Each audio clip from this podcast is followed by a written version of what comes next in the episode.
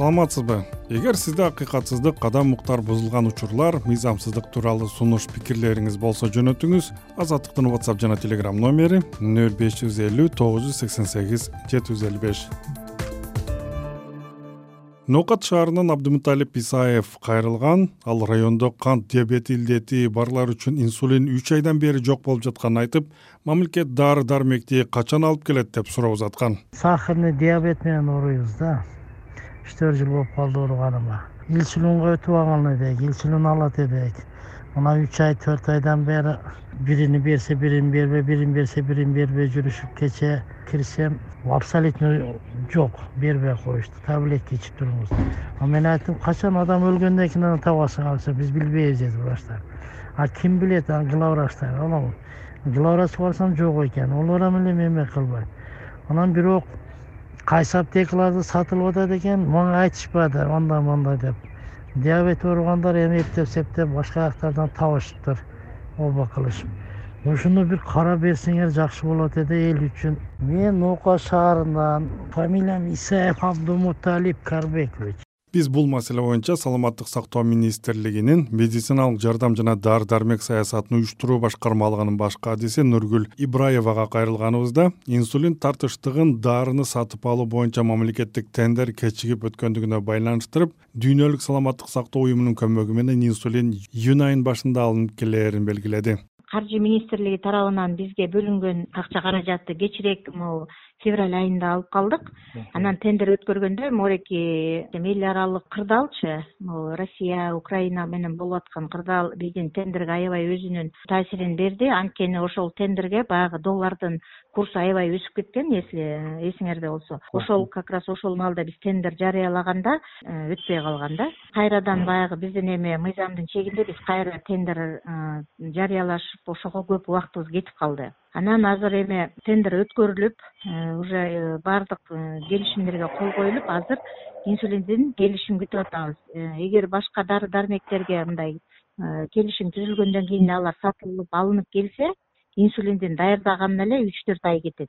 Анткени бул биологический препаратка кирет да ошон үчүн завод даярдаган завод буга ушунча убакыт талап кылат. Бирок биз ушундай кырдаал жаралган соң биз уюмдарга кайрылганбыз эл аралык ошолорго жардам бергиле гуманитардык түрдө алып берип тургула депчи. Анан азыр июньдун башында биз азыр протофан атрепит дары дармегин күтүүдөбүз. Уже алып келсе эле биз ушул региондорго таратабыз. Анан мындай дагы кырдаал болуп атат да биз баягы инсулин аз калды дегенде биздин э, адистер анализ жасап чыктык. Э, кээ бир райондордо ал жетиштүү түрдө бар экен кээ бир райондордо ал жетишпеген экен да. Бир райондон бир районго биз э, перераспределение кылып ошондой азыр иштерди жүргүзүп атабыз. Анан жер жерлеринде э, эми биз азыр ошол жетекчилер менен да сүйлөшүп атабыз. Ошого дагы жакшы мындай кандай десем бир контролго албай анан баягы бейтап келсе эле анан жок анан мындай деп коюп атышат да. Же болбосо ал бейтапты делечи убактылуу башка инсулинге которуп ошону мындай эме кылып турса деле болот да контролдоп турса деле болот анан бирок ошол эки менен эмнегедир ушул биздин дарыгерлер дагы эмнегедир ошол экини мындай жакшы бейтаптарга түшүндүрүп бербей эле анан жок деп коюп аткан дагы учурлар чыгып атат да. Анан биз анын үстүндө азыр иштерди алып барып атабыз. Мындан улам кант диабети менен ооруган адамдарга эскертип кетебиз. Сиздер өзүңүздөр каттоого турган эмканалардан улам тактап сурап туруу зарыл кант диабети тууралуу мыйзамга ылайык өлкөдө инсулиндин запасы жарым жылга жеткидей турушу зарыл мамлекет кепилдеген программага ылайык инсулин бейтаптарга акысыз берилет. Эки миң жыйырма биринчи жылдагы эсеп боюнча кыргызстанда кант диабети менен каттоого алынгандар жетимиш эки миңден ашкан эл үнү түрмөгүнүн whatsapp номерине түп районунун ысык көл айылынын тургундарынын атынан жаркын турдакунова бийликке кайрылуусун калтырган анда аталган айылда буга чейин бала бакча болбогону акыркы жылдары элдердин бала бакча түптөө аракетинен майнап чыкпай жатканы айтылат. Саламатсызбы урматтуу биздин президентибиз садыр нуркожоевич сизге ысык көл облусундагы түп районунун ысык көл айылынын тургундары кат жөнөтүүнү туура көрдү. Билим берүү башаты бала бакчадан башталат. Жаш балага калыптануучу куракта берилген билим жугумдуу болот. Тилекке каршы бизде андай мүмкүнчүлүк жок. Союз тараган мезгилден бери биздин айылда бала бакча жок эгемендүүлүк алгандан бери отуз жыл өттү. Ошол убакыт аралыгында төрөлгөн балдар өзүбүз бала бакчага барбасак дагы балдарыбыз бакчага барсын деген ниетте сизге түз кайрылууну туура көрдүк. Айылдын көпчүлүк бөлүгүн чет жерде иштеп жүргөн жаштар түзөт. Алардын балдары ата энесинин карамагында калышат. Ардактуу эс алуу убагында карыган чоң ата чоң эненин эртеден кечке эки үчтөн бала карап отурушу кыйынга турат жаштар биздин келечегибиз. Азыркы санариптештирүү мобилдештирүү заманында бала бакчабыз жоктугу өкүндүрөт. Э, айылдын ичинде кичинекей балдарын бала бакчага берип коюп иштейин деген ата энелер арбын. Проект долбоорлорду тартып келүү аракеттерибизден майнап чыкпай ал иштер жылдарга созулат экен. Ошо аймактарда өнүктүрүү фонддору аркылуу бизге ысык көл айылыбызга бала бакча куруп берүү жагын караштырып берүүңүздү сурайбыз. Ал жагы чечилиши оор болсо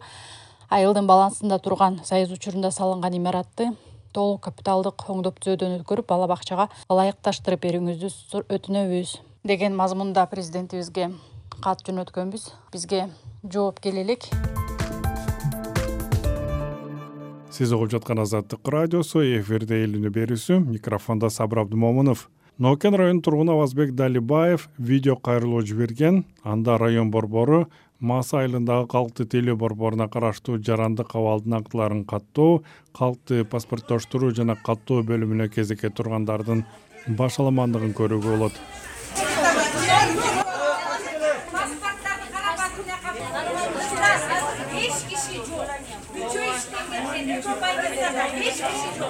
Угарманыбыз алыскы айылдардан келгендер мындай кезек күтүүлөрдөн улам бир нече күн ноокен район борборунда машинелерде түнөп калып түнкү саат үчтөн баштап кезекке туруп жаткандар тууралууда айтат. Село масы ноокенский район. Вообще бардак да вообще бардак. Ноокендин борбору масы айылындагы калкты тейлөө пунктундагы баш аламандык күчөп кетип жатат. Адамдар имараттын ичине кире албай калууда. Түнкү үчтө келип кезекке тургандар болууда. Кезеги жетпей айылдарына кете албай калгандар да бар. Мен өзүм документимди сурап алайын деп ичине кире албай койдум. Уруш жаңжал тополоң. Түштөн кийин бир аз адам азайып калып жатат. Эртең менен болсо жакындаганга да болбойт. Азыркы убакта мына үч ярымда бул эртематан вообще кирип болмаарды бул маселе боюнча ноокен районунун акиминин орун басары зияда юлдашевадан сураганыбызда июнь айынан баштап калкты тейлөө борбору үчүн жаңы имараттын курулушу башталаарын билдирди. Ага чейин ар бир айыл өкмөттө бирден кызматкерге паспорттоштуруу жана каттоо боюнча кайрылгандар менен иштөө милдети жүктөлгөн. Азыр чоң куруу боюнча э, проект ушу болуп атат ишке ашайын деп калды. Ушул документациялар так болуп бүтсө эле биз заманбап кылып местабыз даяр жердин маселеси чечилген ушу бир аз документ иштери элек башталышы даже ушул июндан башталат деген дагы сөз бар. Биз өзү биринчи июнга бүтүрө беребиз деген элек. Мас өкмөтүнө борборго ушул парктын нары музей тарабына ошо чоң курулуп атат. Эгер ошол жерде курулуп калса полный ошо паспорт столду баарын ошол жерге алып келебиз. Анан кийин делегирование боюнча азыр төрт айыл өкмөт бир шаарда дагы делегирование боюнча бирден адис алынды да айыл өкмөттөргө кичине доплата болот деп атат бирок доплатасы аз экен да. Анан эмне үчүн мындай болуп кетти? Дагы бир себеби. Бүт электрондук кезекке туруу болуп кетти го бакчага да мектепке да ошол маселе дагы келип эле ушул паспорт столго жүктөлүп калып ошондо адам өлгөлдүү болуп кетти. Бир кыйла азайып биз үйлөрүнө мобилдик машина менен ар бир айыл өкмөттөргө кыдырып жер жерине да барып документтерди тактап чыктык эле. Аким өзү баш болуп мен чогуу жүрүп ошончо аракет болуп атат. Азыркы ошол очередь болуп баягы сизге интернетке чыгып кеткен күндөр баягы бакчага электрондук каттоого бардык эле ата энелер тура албайт тургуза албайт да балдарын анан эле тура албай калып эле паспорт столго барып алып эл очередь болуп кетти. Азыр андай эле очередь эмес азыр